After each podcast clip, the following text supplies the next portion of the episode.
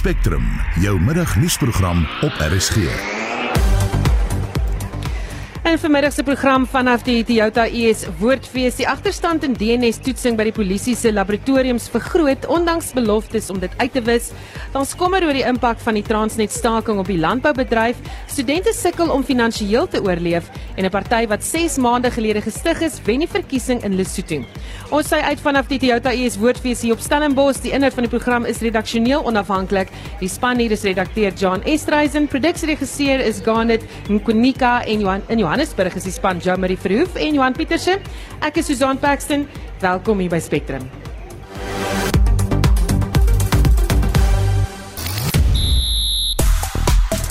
Die Proteas speel tans teen Indië in die derde en beslissende enigwedstryd waar ons eerste kon vir jongste telling is 64 vir die verlies van 4 paaltjies. Dis dan 'n 18 balbeurte. Ek laat jou so om en by 12:30 weet hoe hierdie drama uitspeel. En dan is die hitsmerk deputy minister tans baie gewild. Hy's vanoggend al meer as 81000 keer gedeel. En is omdat die adjunkminister vir behuising in Brittanje, Theresa Coffey, tydens 'n onderhoud op Sky News verkies het om op die volgende manier moeilike vrae te beantwoord van die legendariese aanbieder Cape Burley oor die tekort aan nuwe behuisingsskemas in Brittanje. Kom ons luister. And you're talking about ditching um, home targets for affordable homes. Why are you doing that? Uh, I'm not aware of any of that. Uh, so that isn't true. I'm, I'm not That aware. isn't of- true. That uh, apparently ministers have drawn up plans to exempt developers from having to build affordable homes, to scrap environmental protections, and to allow people to add extensions without permission. That, according to Simon Clark, that's not right. I'm not aware of that uh, policy, but uh, if you want to ask Simon Clark about policies, Well, you're the deputy uh, prime minister, with all due respect. Um, well, you're just throwing comments at me, uh, Kay. Um, I'm not aware of. So it's uh, not something that's been discussed around the. I'm not table. aware of uh, specific uh, things like that. No. Okay, how interesting. En dit gons oor die politikus wat as uiters onbekwaam en onsensitief deur die Britte beskryf word. Dit wys jou net die wêreld se politici praat so baie, maar sê ook so min meer nuus uit die kuberwêreld so 'n bietjie later in die program.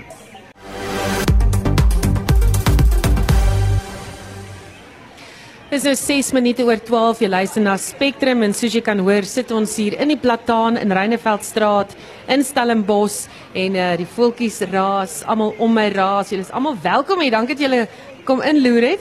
En uh, maar voor ons met die feesdinge begin, eers die nuus van die dag. Die Wes-Kaapse minister van Infrastruktuur, Tertius Simmers, waarsku inwoners van die provinsie teen aanlyn slenters wat behuising betref. Dit volg op 'n hele rits voorvalle van bedrog waar misdadigers hulle voordoen as regeringsamptenare wat mense op waglyste plaas teen 'n prys en dan wegloop met hulle geld. Hy was vanoggend in die omgewing en het met Marlenae Forsie oor die en ander kwessies gepraat. Marlenae, Ja, Susan, ons wou onder meer by hom hoor waarvoor mense moet uitkyk om nie in die slaggat te trap nie. dit op Facebook veral dat jy weet alle huise is gratis vir almal. Dis alleen jy moet op die behuisingswaglys is. Die tweede ding wat hulle wel doen is sodra hulle kontak maak met jou via WhatsApp as een van hulle hulle kommunikasiemiddels buite Facebook is dat hulle vir jou basiese fooi vra en hulle gee eintlik 'n waarborg dat jy kan waar op die waglys is, sal jy verseker dat jy 'n huis gaan kry. Dis die tweede gevaarteken. Derdens, wanneer iemand vir jou sê hy kan vir jou huis 'n sleutel en 'n titelakte gee, dis die derde probleem van die norm op die oomblik van staatsgesubsidieerde behuising. As jy eers jou huis of die behuisingsgeleentheid en dit is vat gewoonlik so 'n paar maande nadat jy okkupasie ingeneem het dat jy eintlik jou titelakte kan bekom. Soms vat dit op meer as 'n jaar. En hy beklemtoon dat geen werknemers van die staat fooie in die verband mag hê vir behuisingskwessies nie omdat dit 'n gratis diens is. Nou indien jy 'n voorval van bedrog wil aanmeld, kan jy die plaaslike regering kontak. In die Weskaap het ons 'n sentrale e-posadres waar jy die klagtes kan deurstuur is humanmin@westerncape.gov.za. Ons het ook 'n sosiale media blad uh, vir die wat op Facebook is. Jy kan net kyk daar vir Ministry of Human Settlements.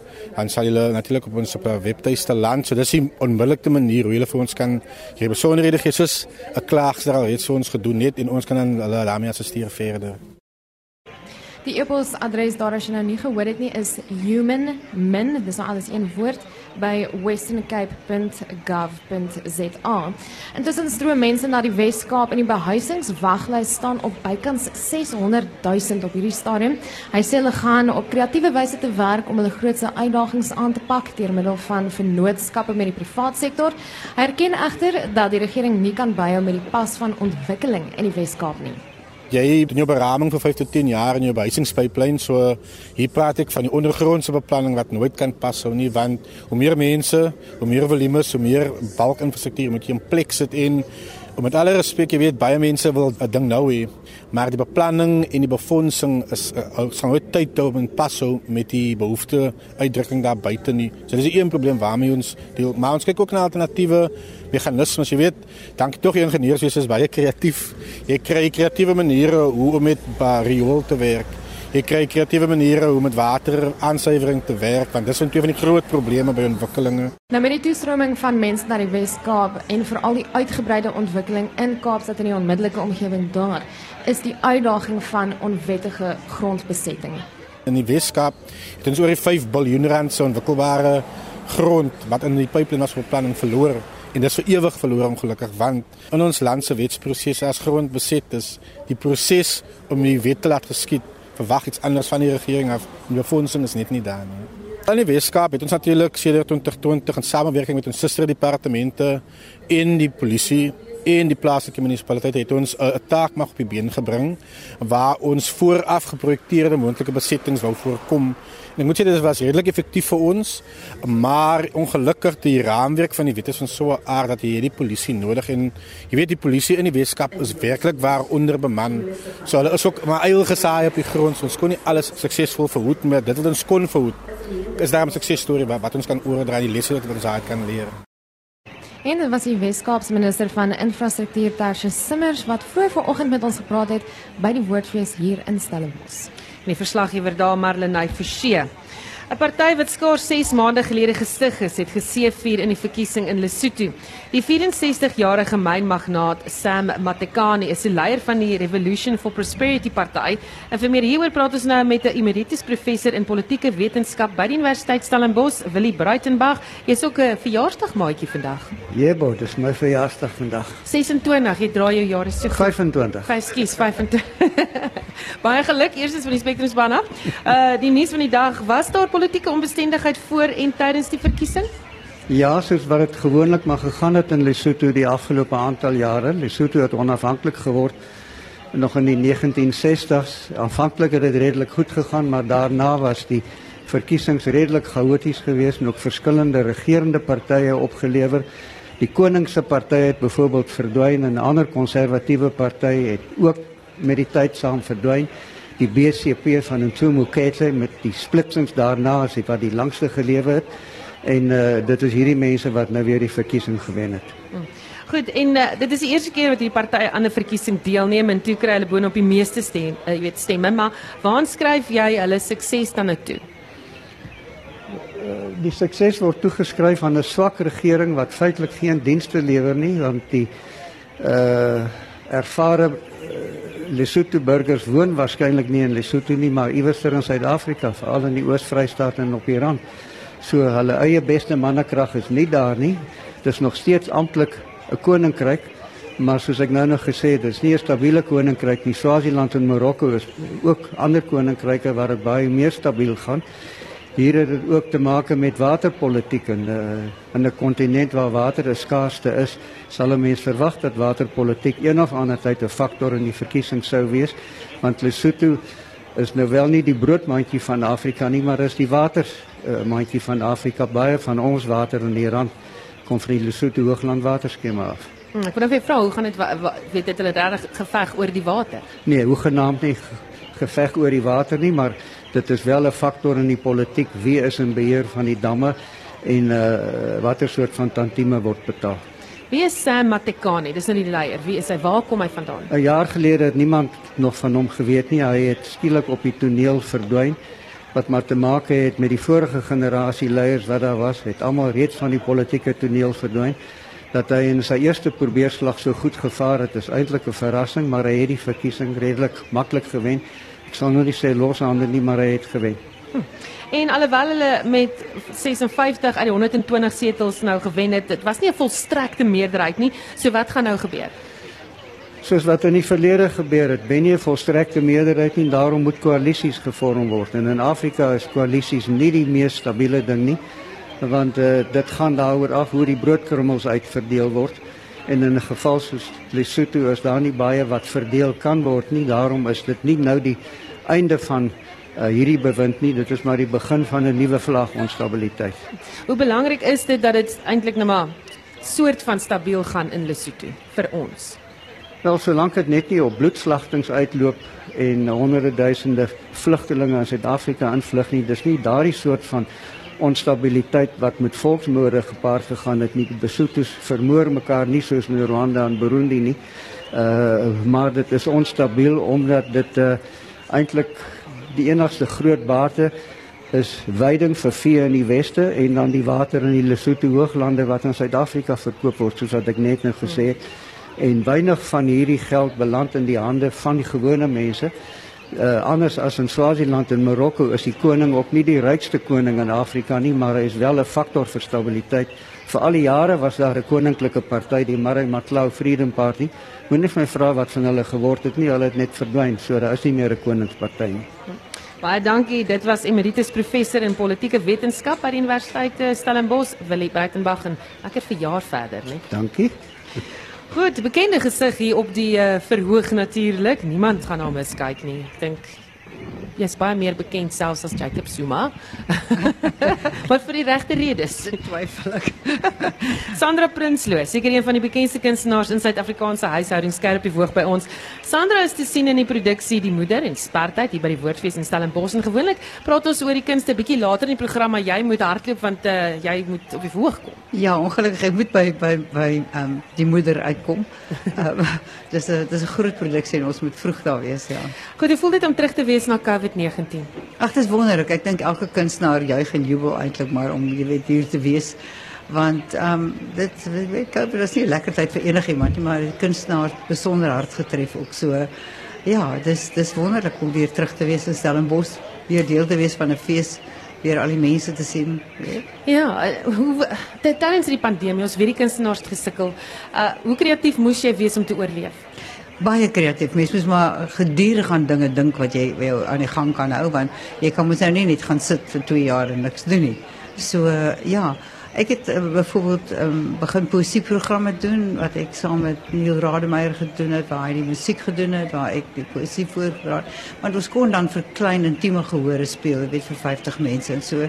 Um allerhande sulke dinge. Gelukkig het ek ook vir die SPA, die Stichting vir Bemagtiging deur Afrikaans, um programme gaan doen oor um ek het TV-programme geskiet oor agtergeblewe gemeenskappe en hulle stories want um die gevoel was ons is bang dat ou stories gaan verlore gaan. Die stories wat mense nie meer praat op die tafel nie.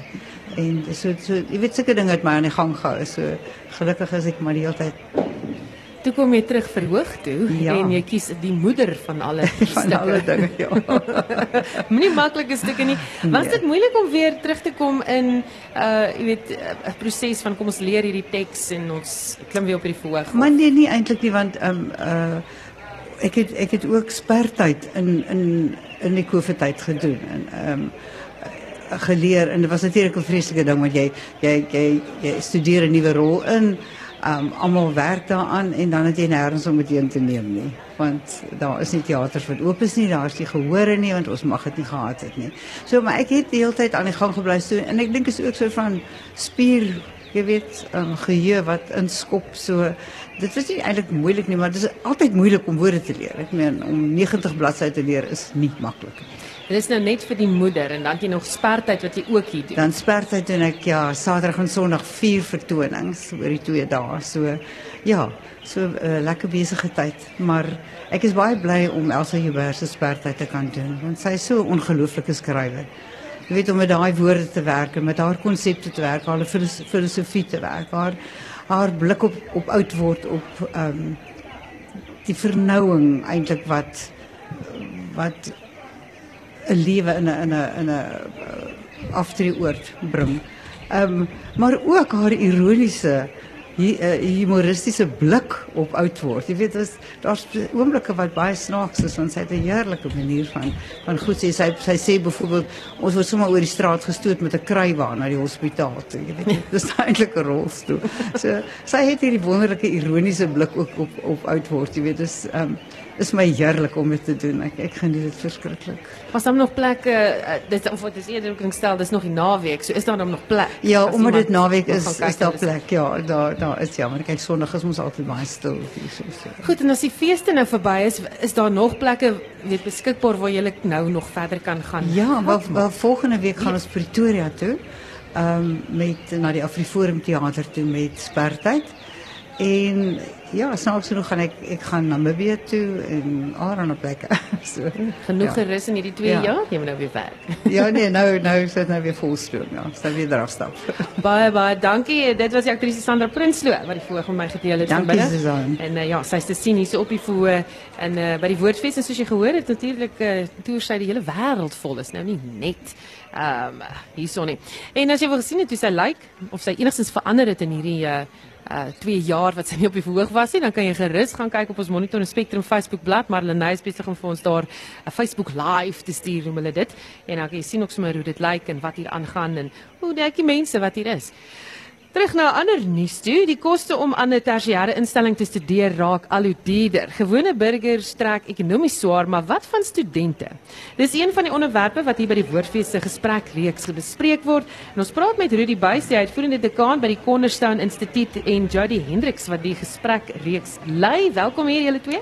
Hallo Susan, ja, nog 'n studentekwessie vandag op die agenda. Onthou jy die Feesmas Volveld op in 2016, interessante tyd vir die nuusmedia ook gewees. En ons kyk terug en ons vra was die veld tog suksesvol?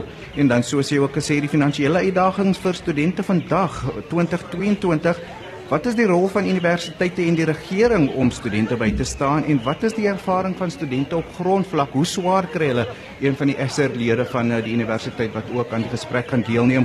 So my gaste vandag is Rudy Buys wat hier langs my sit, die ekonom Hassan Esop en ook professor Amanda Gous en dit vind plaas tussen 1 en 2 by die ES Museum. Dis nou net die oorkant die pad van waar ons uitsaai. So as jy nou klaar hier gekyk het, dan kan jy oorloop soontoe. Eendag hopelik kan ons uh, dit uh, ook so regstreeks uitsaai, maar uh intussen gaan ons 'n bietjie praat daaroor en Rudy, welkom hier. Dankie. Daar sê van die Vrystaat en toe word jy Kaapenaar. Hoe duur is dit vir 'n student om aan 'n universiteit of kollege te kan studeer? Wel, jy sien gewoonlik word die kostes maar bereken in uh, eerstens in studente of klasgelde, jy weet en dit is kan dis rondom 60000. Ehm um, min of meer uh, wat jy vir 'n gewone graad mee sal begin. Maar dan sien ons nou 'n klomp goederes rondom uh, vervoer en verblyf en kos en so aan en al die groot basiese kostes word gewoonlik ingesluit of dit nou by beurse is van privaat instellings of of dit nou die nasionale beursfonds is of so studente kan gelde kry. So ehm um, jy weet maar amper meer as die vraag of die of die gelde opgaan is gaan dit oor die vraag oor wat die impak noodwendig is en dis waar die gesprek gaan op studente se lewens. En so die die die Feesmas vol beweging het daarvan af uitgegroei. So eerder as wat dit 'n kliniese finansiële gesprek was oor waar kom die geld vandaan, het dit gegaan oor die lewensomgewing van studente. Sou ek argumenteer. En natuurlik 'n ander gesprek was dat dit gegroei het uit die uit die Rhodes vol beweging uit. Dit gaan oor rassistiese goedes en so aan. So maar dit gaan by studente oor daai geheelservaring. En dan sou ek sê as van die goed wat die gesprek bietjie moet stuur, gaan oor werklik die lewenservaring. Die SR lid sal waarskynlik vir ons bietjie meer daaroor sê. Ehm um, maar ook jy weet Maar Rudy, as ons nou praat mm. oor die, die, die ons ons praat nou dis duur om te studeer. So as jy wil studeer, moet jy weet dis die tipe koste wat jy gaan aangaan, maar daardie bykomende kostes waarvan mm. jy praat om student te wees. Ehm um, wat is dit? Ons praat van die versteekte kostes. Maar ek weet hoeveel kos dit om kos te koop? Hoeveel kos dit om basiese klere en benodighede te koop? Hoeveel kos dit om vinnig na die dokter toe te gaan as jy seer gekry het? Weet, hoeveel kos dit om ekstra penne en boeke te koop vir die klaskamer? So daai gewone goed net om te kan lewe op kampus en dan praat jy nog eers om iewers 'n jy weet ietsie te gaan drink of so en sosiaal saam te kuier nie, jy weet maar ons glimlag daaroor, maar dis goed wat net gewoon is aan die lewe. Jy weet om bloot 'n selfoon te kan gebruik en te kan data hê om te kan TikTok, uh, TikTok en wat al daai goed is en so en daai gewone goed wat studente en jong mense eintlik doen. Dis wat die die hidden costs is, die versteekte kostes. Jy praat nou van iets soos byvoorbeeld 'n selfoon en ons gaan nou daar ook weer terugkom soontoe want dis nou ekstra bykomende kostes wat ek byvoorbeeld nie gehad het toe ek gestudeer het nie. Weet ek so oud is nie, maar jy weet dit. Maar ehm um, daar is ons het byvoorbeeld gehoor op daai stadium toe al daai gesprekke aan die lig gekom het van studente wat soms net geld het vir een maaltyd per dag, Mm. indien 'n maaltyd 'n dag. Wat anders doen studente om te oorleef as so iets met hulle gebeur? So studente deel onder mekaar. So jy deel handboeke, jy help mekaar met kos en so, jy weet. Ek bly daaraan geraak want jy weet onveilig wil ek amper sê oor die afwesigheid van sekuriteit vir kos is 'n groot issue. Jy weet is 'n die kwessie byvoorbeeld 60% gewoonlik by universiteite in ons land studente het nie is nie seker waar hulle volgende maaltyd vandaan gaan kom nie. So om seker te wees van een maaltyd is eintlik so 'n bietjie van 'n voorreg vir die meerderheid van studente. So ons prentjies oor hoe studente se lewens en benodigdhede en hulle inkomste actually lyk like, is regtig nog 'n ding wat mense aan moet skuif. So die gemiddeld is nie studente wat het nie. Die gesdil- gemiddelde studente wat nie het nie. Ehm um, so wanneer ons praat oor befondsing breedweg en nie net oor gewone goed van selfone nie, dan is dink ek is een van die groot gesprekke oor wie die wie die studente is in ons in ons in ons jy weet agter ons oë in ons koppe met wie ons eintlik te werk het. En daai student lyk anders as wat dit 5 jaar terug was en 10 jaar terug was. Hierdie uh, impak wat dit dit moet 'n impak hê op die studente. Ehm um, nie net fisies nie, maar ook hulle geestesgesondheid. Hmm. Ja, natuurlik, dis dit alles speel saam. Jy sien die groot ding is um, baie van ons studente ontdek nie armoede op kampus nie, maar kom uit armoede op kampus aan. So dis so 'n bietjie, jy weet, daar's so 'n bietjie van 'n eh, van 'n mening dat arm studente jy weet so erg sielkundig lei dat dit dat dit meebring dat hulle nie kan slag nie, maar ons arm studente is veerkragtig ken die omstandighede, kan nie planne daarvoor maak. So daar's twee kante aan die gesprek. So wanneer mens praat oor jy weet ekstra dienste wat jy lewer buite die klaskamer by die universiteite is weet om sielkunde sielkundige hulp te gee groot deel daarvan. Maar as 'n groot wil ek amper sê, jy weet hulpbron in hoe studente self mekaar help wat eintlik geaktiveer kan word. Baie dankie. Dit klink vir nou 'n baie interessante gesprek wat gaan volg. So as jy dit belangstel daarin, dan moet jy gou oorspring hier oor kan die pad sodra die program eers verby is natuurlik. Ja, tussen 1 en 2. Terwyl jy opstaan, Jerry, wil jy nie die voels hier wegwaai wat so raas nie. Ek spang iemand ehm um, jy weet wat wat voels doen. Baie dankie. Jy was Rudy Buys te kan by die Konnestan Instituut en Jerry Hendriks wat met ons gepraat het. Transnet se loonstaking noop dat die eh, vervoeronderneming met die vakbonde moet onderhandel om te voorkom dat die vars landbouprodukte vrot. Die bestuurshoof van Agri Weskaap, Janie Strydom is hier by my. Goeiemiddag. Goeiemôre Susan en môre aan die luisteraars. Welkom, welkom. Ehm um, wat is die jongste hieroor? Ja, Susan, uh, dit uh, wat ek ook nou maar op die nuus gehoor het uh, vanoggend is dat uh, die die vakbonde die die die aanbod van die hand gewys en is met ander woorde weer terug na die tekenbord en maar ja, van ons kant af hoop ons dit word so spoedig moontlik uitgesorteer uh, want dit is vir ons 'n groot bekommernis. Goed, en ehm um, die onderhandelinge en wat presies is julle eise? Voordat Kyk, kyk ons het nie spesifiek eise nie. Ja, dit is 'n gesprek tussen die werkgewer en die werknemer. Vir ons as landbou is dit net krities dat die infrastruktuur funksioneer, want soos jy reg na verwys het, uh, ons werk met vars produkte en wat uh, nou uitgevoer moet word. Jy weet in ons provinsie voer 55% van die land se primêre landbouprodukte uit. So uh, dis vir ons krities dat ons hawe uh, ten volle funksioneel is en en daarom is dit vir ons belangrik dat daar 'n vergelyk so spoedig moontlik kom tussen werkgewer en werknemer. En wat is die oorsaak van die swak dienslewering by die hawens en hoeveel kos dit die bedryf uiteindelik? Kyk, daar's daar was verskeie redes dalk daarvoor. Ehm um, in my persoonlike opinie is dit 'n operasionele die operasionele uitdagings om daai om om totaal funksioneel te wees. Ehm um, ons moet besef ook die Kaapstad se hawe is blootgestel aan aan aan aan natuurtoestande. As die wind sekere sterkte waai kan hulle ongelukkige huiskrane nie uh, benut nie. So dit dit uitgesluit dink ek is dit is dit operasioneel, maar ek moet sê daar is redelik vordering gemaak die afgelope paar maande. Ons het gesien dat die sitrus uitvoere het redelik goed verloop. So ons is positief dat ehm die gesprekke wat wat van alle vlakke af met Transnet se hoofbestuur ensovoorts gevoer word, dat hulle die belangrikheid daarvan besef dat die hawe moet funksioneer en uh, ons is positief dat dit in die, oor die uh, medium na die langtermyn definitief uitgesorteer kan word. Maar is die privaat sektor, is julle besig om alternatiewe te oorweeg? Want hierdie probleme sleep nou al baie baie lank voort. Dit lyk nie of hulle dit kan regkry nie. Kyk, ja, ek dink uh, wat van wat belangrik is is om ehm uh, om te verstaan dat ek dink uh, sonder 'n private deelname of uh, soos hulle sê die uh, deelname van die private sektor of 'n aandeel te kry daarin dink ek nie ehm um, dit gaan dan werk nie. So ons is baie positief. Ek weet daar is gesprekke. Uh, uit die aard van die saak is dit sensitief sodra die woord privatisering genoem word, uh, is uh, uh, laat dit die oë maar rek maar ek dink die die die vir 'n vennootskap om die operasionele gedeelte van die hawe uh, in dan in so 'n privaat vennootskap te hanteer is in my oë die oplossing om om daai probleem te oorkom. En ek moet vra beerdkrag wat is die impak tans? ja, ek rol jou oë sien ek hierso vir my. Ja, nee, absoluut, want ek kom vanoggend uit 'n uh, Eskom vergadering in die Ceres uh, area so ehm um, dit het 'n enorme uh, impak uh, soos dan jy weet ek dink um, nou om 'n praktiese voorbeeld te noem wat ons daar vanoggend bespreek het ook is dat uh, as ons vat daar's 10 groot as ons werk op 10 groot pakstore, 20 uh, klein pakstore en kom ons sê 60 produsente dan as daar 'n 10 ure beerdkrag in 'n week is, dan kos dit vir die produsente net aan diesel bykans 'n miljoen rand teenoor 150 000 rand se Eskom uh, krag wat dit sou gekos het. Jy weet so ons praat hierso van 'n uh, absoluut absurde bedrag en hierdie is ten koste of ten spyte van die feit dat ander insette in hierdie jaar net so gestyg het, jy weet. So 'n uh, beerkrag het vir ons 'n enorme uitdaging. Ehm um, jy weet want dit gaan nie net oor die primêre produksie waar ons besproeiing, ons is 'n besproeiing intensiewe provinsie, ons baie intensiewe vertakkings. So besproeiing is krities.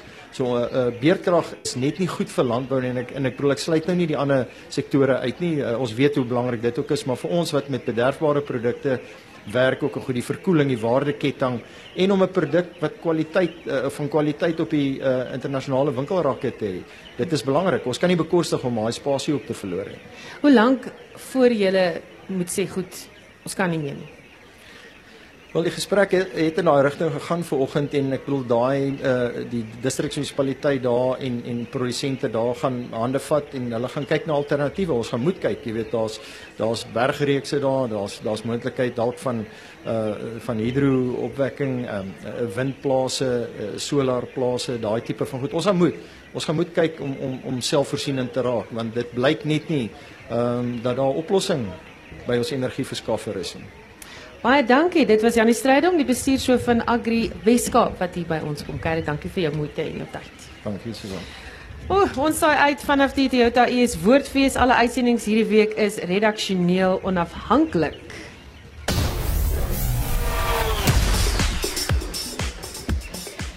Tyd vir sportnuus en uh, Oudo het vir ons die jongste van die derde en beslissende, nê, nee, eendagwedstryd tussen Suid-Afrika en India. Ja, dis korrek en is nou nie 'n mooi storie nie, maar uh, ons het so 'n bietjie geskiedenis gemaak vandag want dit is die heel eerste keer dat 'n internasionale span gebruik maak van drie verskillende kapteine in een reeks. Ons het dan natuurlik begin met Themba Babuma, hy is toe beseer na die eerste eendagwedstryd. Toe het Keshav Maharaj oorgeneem, hy is nou uit die span gelaat vandag. Uh, David Miller is die kaptein. Die lood verloor Suid-Afrika se gevra om te kolf. En uh, ja, rampspoedig is al wat ek kan sê in uh, in terme van wat in Delhi aangaan. Wegbreek bowler uh, Washington Sundar uit die eerste Suid-Afrikaanse uh, paadjie laat kantel. Quentin de Kock is deur Avishkan gevang op vlak derde man. Uh, de Kock uit vir 6 van 10 balle. Uh, Suid-Afrika se ander aanvangskolwer Janeman Malan is ook deur Avishkan uitgevang op die regby grens van die balwerk van uh, Mohamed Siraj. Hy is uit vir 15 van 27 balle. Riese Hendriks derde paadjie wat plat getrek is. Siraj se tweede slagoffer uit vir 3. Aiden Makram 19 balle trotseer uh voor hy uh, deur die linksdraaier Shabas Ahmed agter die paaltjies gevang is vir 9. Uh kaptein op die dag David Miller ook vir net 7 loppies skoon gebal deur Washington Sundar en Andile Petlukwari aan 'n veelsidige speler in die span. Hy is nou die 6ste kolwer om sy paaltjie te verloor vir net 5 loppies die jongste telling. Kom ek sê jou 93 vir die verlies van 7 paaltjies en uh, dis nou na die laaste uh, pelkie gekantel het. Uh, Heinrich Klaasen, hy's uit vir 34 van 42 balle so 93 vir die verlies van 7 en dis nou die 25ste bal weer in die derde en beslissende uh, eendagwedstryd. Nee, Ouda, kry vir ons ander cricketnuus. Dit klink nie goed nie. Baie dankie Ouda Karlse met die jongste cricketnuus vir ons.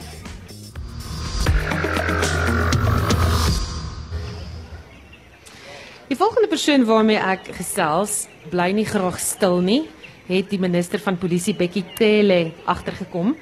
Uh ten spyte van beloftes deur die minister van polisie Bekkie Cele dat die agterstand van die DNS-toetsing vanjaar uitgewis sal word, is dit duidelik uit onlangse statistiek dat die agterstand vergroot het en Amnesty Internasionaal het onlangs uitgewys dat Uh die portefeulje komitee oor polisie in die parlement aangedui dat die agterstand van 150 000 in Junie tot 180 381 DNS monsters in Julie vermeerder het. Die teenoorgestelde as wat Kelly beweer het um, aan die gebeur was. En 'n kampvegter vir die herstel van die probleem is Ian Cameron van Action Society. Welkom hier. Baie dankie Susan. Sharap, hoe voel jy nog daaroor? Ehm um, ek het ek is nog nooit deur soveel mense gesê om te shut up van van dit gebeur het nie ontsaglik baie mense dit op my gesê. Maar uh ehm um, dit is fantasties om te sien hoeveel mense het het begin praat. Ek dink nie die minister het sedert daai vergadering uh een vredesame imbizo gehad nie. Hy's by elke liewe een deur die gemeenskap aangevat oor die leebeloftes wat hy en die staat dikwels maak aan gemeenskappe. Hmm. So hierdie jou reaksie op die jongste inligting wat beskik, eh, beskikbaar geraak het oor hierdie uh, toetsing. So die die DNS kwessie kom al eintlik vir 'n hele paar jaar. Um, om 'n idee te gee as ons praat van 180 000 sake, moet jy dit omtrent met 4 vermenigvuldig om vir jou 'n idee te gee hoeveel dit werklik is. Uh jy jy praat met 'n kom ons sê 'n verkrachtingssaak van omtrent 4 forensiese bewysstukke wat getoets en ge ehm um, geanaliseer moet word. Uh so die die agterstand is baie baie meer of het 'n baie groter impak op grondvlak. 'n Voorbeeld. Mia Botha wat 2 weke terug vermoor is in die Parel, dogtertjie 4 jaar oud. Ehm um, waarskynlik is dit die DNS resultate of uitslae wat ons gaan kry wat gaan aandui wie die moordenaar is. En uh, ons wag nou 2 weke daarvoor. So dis 'n baie eenvoudige manier om te sê, maar dit sê vir jou in Suid-Afrika het ons elke uur omtrent 3 3 moorde. Ehm um, is 71 mense per dag. Jy kyk na omtrent uh 120 verkrachtings per dag. Dit uh gaan tussen 120 150. Net een uit elke 9 verkrachtings word gerapporteer aan die polisie. So dit is net die waarvan ons weet, dis waarskynlik oor 1000 dan per dag. En DNS volgens my is indien nie die beste nie, maar is een van die beste maniere om 'n boosdoener te verbind, nie net aan 'n toneel nie, maar ook aan 'n slagoffer. Nou ek net vinnig sê as uh, jy wil sien hoe een like en wil volg op Facebook, dan kan jy op ons Monitor Spectrum blad gaan volg want uh, Annelien is besig om dit ook vir ons daar te stroom. Um een so Dit is vir jou 'n baie besige jaar gewees. Die polisie minister wat jou uitjou en al die probleme wat jy moet hanteer. En ek ek het vroeër vir jou gesê, uh, jy het aanvanklik gesê toe jy weg is by AfriForum, luister ek wil nou net 'n bietjie gaan rus. Ek wil bietjie wegstap van hierdie swaar temas waarmee ek werk plaasmoord onder meer. Uh maar dit wil nie vir my voorkom of jy nou rustiger geraak het nie. Ja, Susan, dit was eintlik 'n baie groot voorreg en dit is interessant. Wie is die die gemeenskap wat vir my die meeste hoop gegee het. Ehm um, ek het vir my vrou baie keer gesê ek voel ek voel moedeloos. Dit voel baie keer, jy weet, dis net hierdie donker goed, alles gaan verkeerd. Waar kry 'n mens hoop nou? Behalwe vir geloof, is dit belangrik dat 'n mens in praktyk ehm um, daai geloof in aksie kan sien. En toe stel iemand by die Wes-Kaapse wetgewer, Ricardo McKenzie, stel my voor aan 'n groep mense in Lentegeer in Mitchells Plain wat daar patrolleer. En ek het die aand by die huis gekom die eerste keer wat ek saam met hulle gaan stap het en ek sê dit vir my vrou, ek verstaan nie hoe hierdie mense so positief bly nie. Maar hier's die ding en dis 'n eenvoudige iets wat niks te doen het met misdaad nie. Die eerste keer wat ons daar gaan stap, dis daar sewe vrouens wat die oggend die sypaadjies voor hulle huise was. En uh, ek staan eers en kyk so en ek dink myself, ag wat gaan dit nou help? En toe besef ek maar wag 'n bietjie, as sewe dit doen en, en dit word 10 en 10 word 20 en 20 word 50 en 50 word 100 dan jy 'n skoon straat en die kanse van misdaad in daai straat is net soveel minder. Die gevolg is ook die bende skiet nie in daai straat nie, want die gemeenskap is so betrokke. Dink ek vir myself maar wag 'n bietjie. Ek dink daar's ernstige hoop te skep as ons 'n bietjie hande vat met van hierdie gemeenskappe wat geen ander alternatief het maar om dit daar te maak werk nie. Hulle kan nie trek nie, hulle kan nie daar weggaan nie. En elke keer as ek al kom ten spyte van die uitdagings, dan het hulle glimlag op die gesig en hulle is besig om hand in eie boesem te steek om 'n oplossing te kry. Is dit wat jou inspireer om dan dus terug te gaan, op te staan elke oggend en te sê, maar luister, hier's hier's rede om te veg vir reg en geregtigheid in die land. Ja, absoluut. Ehm um, die dag met die met die Bekkie Cele insident Ehm um, ek het dit eers na die tyd agterkom kyk, daai polisieman was 'n groot ou en ehm um, hy het dit reg gekry dat my elmboog aan mekaar raak, so dit was 'n baie ongemaklike posisie om daar uitgedra te word. Ehm um, maar na die tyd ons se video's kyk, dis haar ou ou Kosa Tannie wat daar in Kalicha eintlik dit s'n Kalicha in Google bly. En uh en sy het gesit in my hand vasgehou sien ek toe na die tyd. Dink weer by myself, daar's soveel mense wat en dit is hoekom, jy weet, hierdie kort boekie ons kan nou 'n bietjie daaroor gesels. Hoekom hoekom dit belangrik is dat mense soos die minister van polisie nie net altyd misdaad uh, verpolitiseer nie. Moenie dit altyd 'n uh, jy weet 'n uh, ou tydse menseregte gesprek maak of op ou ehm um, uh oorwinnings of selfs verliese uh fokus nie is belangrik dat daai ou tannie se storie vertel moet word. Haar uitdagings, dat sy nie stil gemaak word nie, want as ek stil gemaak word, onthou wat daai dag gebeur het, is 'n baie gevaarlike president wat geskep word, nê? Is dat sodra jy 'n sekere politieke elite uitdaag, dan word jy stil gemaak. Nie net stil gemaak nie, jy word selfs verwyder. Dankie Vader vir die media wat daai dag daar was, want ek dink as daar nie kameras op daai stadium Ek sien Marvin Charles van News24 staan langs my. Toe skree ek eers, toe dog ek, "Ja, mense moet daarom net sien wat nou hier gebeur want ek dog ek gaan in 'n sel in Gugulethu opeindig." En toe besef ek maar, ehm um, dit is so krities dat of dit die media is, burgerregte instansies, al verskil hulle van mekaar, dat ons aanhou om te praat. Ons mag nie stilgemaak word nie. Wat hier gebeur is nie reg nie. Goed en maar jy het ook gewys nou jy gaan nie stil gemaak word nie as hulle vir jou sê bly stil dan gaan skryf jy 'n boek en ons is bevoorreg genoeg om hierdie boekie op die uh, verhoog te hê. Uh, is nog nie uit nie, maar binnekort soos in ure, enkele ure, dae as ek dit mis het nie. Waar gaan hierdie boek? Wat is dit? Ja, so, ek het ek het sommer die ehm um, die inhoudsopgawe hier voor my oop. Uh en dit en dit is eintlik 'n opsomming. Laat ek oor begin. My vrou sê ek mag dit nie 'n pamflet noem nie. Sy want dit is 'n baie kort boek en hy tergekeeldheid. Die beginsel hiervan is dis op die man af. Dis regheid, dis 100 bladsye. Dis vir enige persoon in Suid-Afrika om te verstaan wat die misdaadkrisis is, hoe ernstig dit is en wat die potensiële oplossings is. Dit het 'n gedeelte in wat sê wat is die praktiese oplossings vir gemeenskappe? Wat hoe kan hulle op grondvlakke impak maak wat misdaad betref en wat moet verander in terme van die staat? En hoekom sit ons dit in 'n boek? Ons sit dit in 'n boek want al die oplossings wat hier gelys word is van tevore al genoem vir die minister van polisie, vir die regering en hulle het gekies om nie saam te sit en te gesels nie. So natuurlik gaan ons 'n kopie vir die minister stuur en weer eens 'n uitnodiging aan hom rig wat vra maar kom ons gesels saam. Ek wil nie net net beklei nie, maar ons gaan beslis dit nie net daar laat nie. So ehm um, die boek praat natuurlik oor wat daai dag gebeur het, maar dan praat dit oor die kern krisisse of die kernuitdagings wat ons tans in die Suid-Afrikaanse Polisie diens het. Ehm um, en dan ook die haaglike omstandighede waarin baie van die lede werk. Ek dink nie ons besef altyd in watter moeilike omstandighede die polisie tans werk nie. Ehm um, so dit spreek dit ook aan. En dan natuurlik in, in in plaas van die oplossings, dink ek is belangrik dat mense die slag spreek van we will not shut up baie letterlik opneem en begin toepas in die land en die omstandighede in Suid-Afrika wat ons tans beleef. Goed, ek wil nie te veel van die boek weggee nie want dan gaan mense hom nie koop nie want hulle nou alles gehoor. Maar uh wat is jou boodskap wat jy voor in hierdie boek vir Becky Kelly gaan skryf? Ehm um, ek dink oor net ek weet nie of ek dit nou moet sê nie want nou daar voeltjie op my kop ge Ja, um, ek so, gaan voeltjie op die voor. Is dit tong tong in die kies. Ehm um, wat gaan ek vir vir vir hom sê? Ek kyk Ek dink in die eerste plek is dit wat daai dag gebeur het, moenie 'n ehm um, dit moenie 'n persoonlike ding maak nie. So so wat hy dadelik gepraat het oor sy pa en sy dis nonsens. Dit was nie die doel daarvan nie. Ek het nie daai dag sien toe gegaan om 'n spesifieke kulturele boodskap of 'n rasse bood of iets soos dit oor te dra nie. Feit van die saak is drie mense word vermoor per uur. Ons moet saam praat, ons moet die probleem oplos.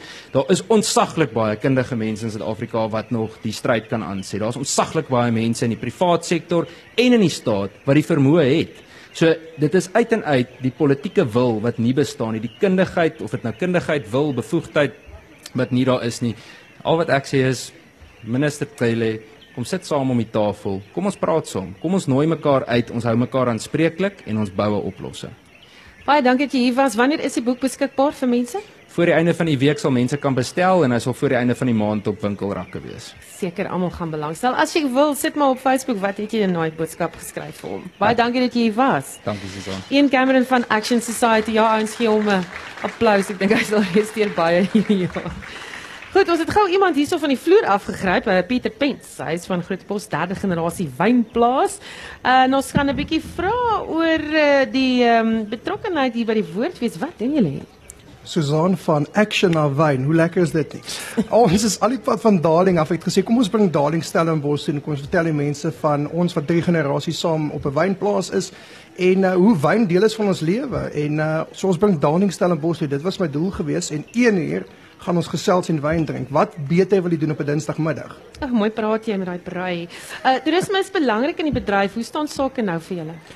Ek dink ons is na um, COVID-19 natuurlik weer op 'n baie groei um groeie groei vlak gewees. Dinge is weer terug na normaal. Ons sien 'n toename in internasionale toerisme en ons sien ook ons binnelandse mense, ons plaaslike mense wat meer uitkom. Ek dink dit is wat COVID-19 vir die mark beteken is dat mense het plaaslik begin ondersteun, mense het uitgegaan en plaaslik ondersteun en ons sien daai nog baie volhou veral na die blomme seisoen daar in Darling. Dit was pragtig geweest en uh, dis 'n toename in plaaslik asowel as internasionale toerisme wat ongelooflik positief vir die industrie is. Jy was onlangs by die Cape Wine Expo. Wat het daar gebeur? Ja, Cape Wine was ongelooflik. Dis 'n uh, jaarlik of 'n 3-jaarlikse expo wat gehou word deur Wine South Africa. En uh, dis waar die hele industrie saamkom en ons het vir die hele internasionale wêreld buite gewys dit is wat Suid-Afrikaanse wyn is. En die terugvoer wat ons teruggekry het van internasionale markte is baie positief. Ek dink Suid-Afrikaanse wyn is op 'n ongelooflike sterk plek en ek dink ons is regtig vir besig om 'n sterk plek in te neem op die nasionale mark. Um, gewoonlik was Suid-Afrika baie klein speler en 'n klein speler in die in die internasionale mark gewees. Maar ek dink die internasionale mark besef nou Suid-Afrika is 'n land wat sterk is en wat goeie kwaliteit eindprodukte as dit kom by wyne um, lewer. Baie dankie dat jy ingestem het om so vinnig met ons te gesels vanmiddag. Ek hoop uh, die ouens wat dit gaan bywoon uh, vind baat en hoor bietjie meer oor Darling se wyne. Lekker. Dankie Susan. Baie dankie Pieter Pens groot post uh, wyn of derde generasie wynplase ou wat hier by ons was.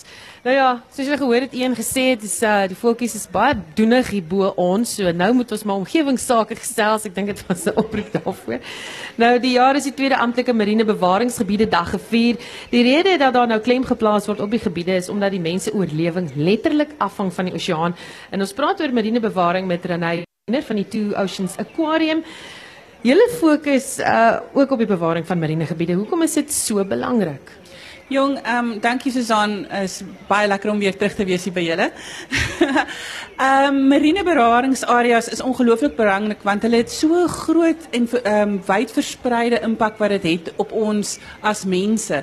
Van uh eenvoudige goed soos as jy kyk na jou toerisme en um ons wat die die gebiede gebruik en so aan, maar dan natuurlik ongelooflik ongelooflik belangrik is dat daardie bewaarareas uh ge, het is gebiede waar die visse en die diere wat in daardie area voorkom bewaar word. So hulle kan daar um groot word as dit klein visse is en dan uitbeweeg in ander areas in wat dan weer vir ons uh, 'n uh, positiewe impak het op ons visserye en so aan. So dit is um bewaarareas as jy kyk daarna in 'n een eenvoudige sin as jy dink daar uh, op op land het ons uh, goed soos die Kruger Nasionale Park. Dis plekke waar landdiere bewaar word. Dieselfde moet gedoen word vir ons oseane. Ons kan natuurlik nie daar 'n 'n draad omspan nie. Dis 'n bietjie moeiliker. Nee, dis 'n bietjie moeiliker. So dit hang van jou en my af om um, die reëls en die regulasies rondom daardie bewaararea ehm um, jy weet na te kom. Goed, um, ons het ook onlangs gehoor daar's baie verwikkelinge uh, oor pikkewyne. En uh, daar mag nie vis gevang word naby pikkewyn kolonies nie en ehm um, hoe groot en hoe groot moeilikheid is ons pikkewyne in Suid-Afrika? Jy moet nou regtig vir my sê. Susan um, ons pikkewyn spesies, eerste plek, die brilpikkewyn kom net hier in aan ons kus en Namibië voor die getalle het so erg afgeneem van uh, 1979 af tot 2021 dat um, dit het met 81% afgeneem. So vir elke 100 pikkewyne wat jy in 1979 gehad het, het jy nou 19 oor. In die 1900s was daar 1 miljoen broeipare op een eiland, Dassen Eiland, alleen. Ons kyk deesdae na 10000 broeipare in Suid-Afrika en 4000 in Namibië. So dit gee vir jou om by 28000 voëls in totaal. Ehm dan sal natuurlik die ander wat nou nog nie broei nie, maar daar is ook genoeg van hulle um, om om 'n groot getal te maak nie. Ons kyk na 'n uh, moontlike funksionele uitsterwing teen 2035. Dis om die draai. My gaan nêrens heen, jy bly net hier sit want behalwe vir die oseane, is jy ook besig met ander bewaringsprojekte op land wat vreemd is vir 'n aquarium.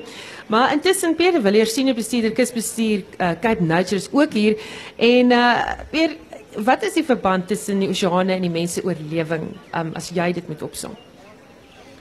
Kyk, die mense het basies ontwikkel of saam met die oseaan van eeue gelede tot nou toe. Ehm en ons uh, deel van ons lewe op land impak op die oseaan. Ehm um, spesifiek met uh, impakte op riviere. Toe ons um, baie klein was, het ons almal daai watersiklus gekry by die skool. Ehm um, ek sien baie glimlag, maar toe ons groot word of soos ons groot word, het ons almal dit vergeet. En ehm um, eintlik, dis een van die kritiese lesse wat jy ooit in jou lewe gekry het want daai daai siklus is wat ons die omgewing en ons onderhou. Um, ons het gepraat van die see, dis waar die evaporasie, baie van die evaporasie plaasvind. Ehm um, dan het jy baie reën oor die oor die uh, berge, so ons praat van berg tot see. Dan daai lieflike ehm um, donker koper of bruin water van die Weskaap, die die whisky water vloei af. Maar dit tel baie belangrike ehm um, sediment, sand, chemikalie op pad see toe hmm. en dit gaan deur die riviermondings en daai sand word gedeponeer as ons strande die chemikalie voed die die waterplante ens. So daai en ons ons as mensdom impak op op daai siklus van ons damme in plek en met die met die ehm um, uh, klimaatsveranderings uh, die mense is geneig om en ek verstaan dit ehm um, jy moet jouself 'n bietjie cover So jy bou 'n dam om in die droë tyd deur te kom. Maar in daai droë tyd is daar min water in die in die rivier en daai klein poeltjies waar die vis oorlewe het voor die damme. Ehm um, jy pomp hom droog ook. Hmm. vir mensdom en uh dis 'n probleem. Ja, wat se toestand is ons riviere en selfs die oseaan rondom die land? Kyk, die riviere is nie in 'n baie goeie toestand. Ehm um, waterwese het nou opnames gedoen. Hulle noem dit die River Health Program wat Cape Nature is deel van dit. En ehm um, daar is plekke of of eh, klein stukkies van die riviere spesifiek in die hoë opvanggebiede wat in goeie toestand is. Daar net na die reën geval het, hulle is alright. Maar soos jy dan in die middel van die riviere gaan, in meeste van die riviere is jy sal almal sal weet is droog in die in die in die somer. Ehm um, daar's net 'n paar poele. Waterwese het nou die reserve studies gedoen wat ehm um, uitwerk wat is die omgewing nodig, watter wa hoeveel water, watter volume water en wanneer. Ehm um, so ons probeer dit toepas en die damme word gebou sodat hulle kan varswater loslaat vir hierdie. So ons probeer, maar dit is nie eh, 'n goeie spasie op die oomblik. Ja. Goed, die vraag wat ek aan julle altyd wil stel is en Renay, jy kan miskien dalk begin. Behalwe vir die oseane en alles wat in die see is wat ons moet beskerm, asook in die riviere en alles wat daarin is, moet ons ook die wildlewe en die natuur beskerm in die gebiede waar ons bly. Vertel my van hierdie projek en hoekom is 'n aquarium daarbey betrokke en dan kan jy opvolg peer met hoekom dit belangrik is. Ehm so eerste plek moet ons definitief besef dat ons in die natuur bly. Ons ons bly in wat in die natuur is. Uh en uh Kaapstad spesifiek is in die middel van 'n natuurreservaat. Ons het ons ehm um, marine bewaar area en ons het Kaap ehm um, Table Mountain National Park en al daai. So ons bly in 'n wild area. En by die aquarium werk ons baie met die diere, die wilde diere wat binne in daardie area voorkom. En hulle dit sluit in die robbe. Ons weet mos van die robbe wat wat in die um, waterfront is. Um, en ons het nou otters wat rondhardloop daarso. Ons het 'n van hulle wat in die um, Groenpunt Park is. So ons het 'n spesiale program wat spesifiek op daardie diere ehm um, jy weet fokus wat interaksie met mense miskien kan hê. Of dit is deur die robbe wat ehm um, die plastiek om hulle nekke kry en of dit is met die die otters wat ehm um, 'n bietjie te nuuskierig is vir hulle eie beswil. Ehm um, ons werk om om te verseker dat as mensdom ons in 'n uh, jy weet saam kan lewe met hierdie diere en en in uh, net in 'n in 'n area waar wat goed is vir die diere en wat goed is vir die mens. Pier, hoekom moet ons hulle beskerm? Waar ons bly? Kyk, daar was 'n ruk terug het 'n rooi indiaan gesê, ehm um, 'n mens se lewe sonder diere is leeg. En ehm um, as ons nou in 'n dorp bly en daar's nie enige tipe dier diere lewe, jy gaan leeg voel jou jou siel. Ehm um, daai dier mens konflik area is 'n Cape Nature ehm um, bestuur area wat baie groot is. Ehm um, want dit raak baie emosioneel. 'n uh, Deel van ons populasie wil die diertjies soen en ander deel van ons populasie wil hulle doodmaak. En daai konflik soos hierdie voeltjies wat op my ehm um, Ja, uh, hulle gee my 'n idee van hoe wat dink hulle van my gesprek. Daar is konflik en maar wat van 'n Cape ek sê dit in ek sport 'n bietjie maar uh, Cape Nature se doel is om daai konflik te bestuur. So die mense wat wil die voeltjie en die, en die diere soen, moet ons sê nee, hulle is wild. Gee hulle spasie en daai wat wil al, alles doodmaak, moet ons sê nee, diere het 'n plek in ons lewe. Hmm. So we got to find that balance. Um, en dit is nie altyd maklik, maar dis baie belangrik. Ehm um, vir my gaan dit definitief oor respek en dis respek vir ehm um, ons het nou van vir die van die vorige spreker gaan oor respek vir jou vir jou ehm um, buurman en die mense langs jou en dit gaan oor respek vir die natuur. Baie dankie dat julle gekom het. Dit was die stem van Renay Leoner van die Two Oceans Aquarium saam met dit gesels Peer de Villiers senior bestuurder kusbestuur van Cape Nature en uh, net hierna praat ons verder oor uh, klimaatsake. Die sake nuus word aangebied deur Renier van Sail portefeuljebestuurder by Efficient Private Clients. Goeiemôre Renier.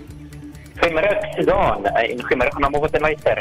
As ons hersiening van die dag uh, het dit so natuurlik aan sien ons die uh, alle aandele indeks is op die oomblik so 0.6% af vir die dag. Nou, hy word saaklik laer getrek deur ons hulpbronne wat sê 1.9% laer is vir die dag. Nou as jy kyk na die groot uh, die toppresteerders veel eerder is Discovery uh, die versekeringsgroep op met so 1.9% en Capitec die bank is uh, ook op met 1.9% vir die dag.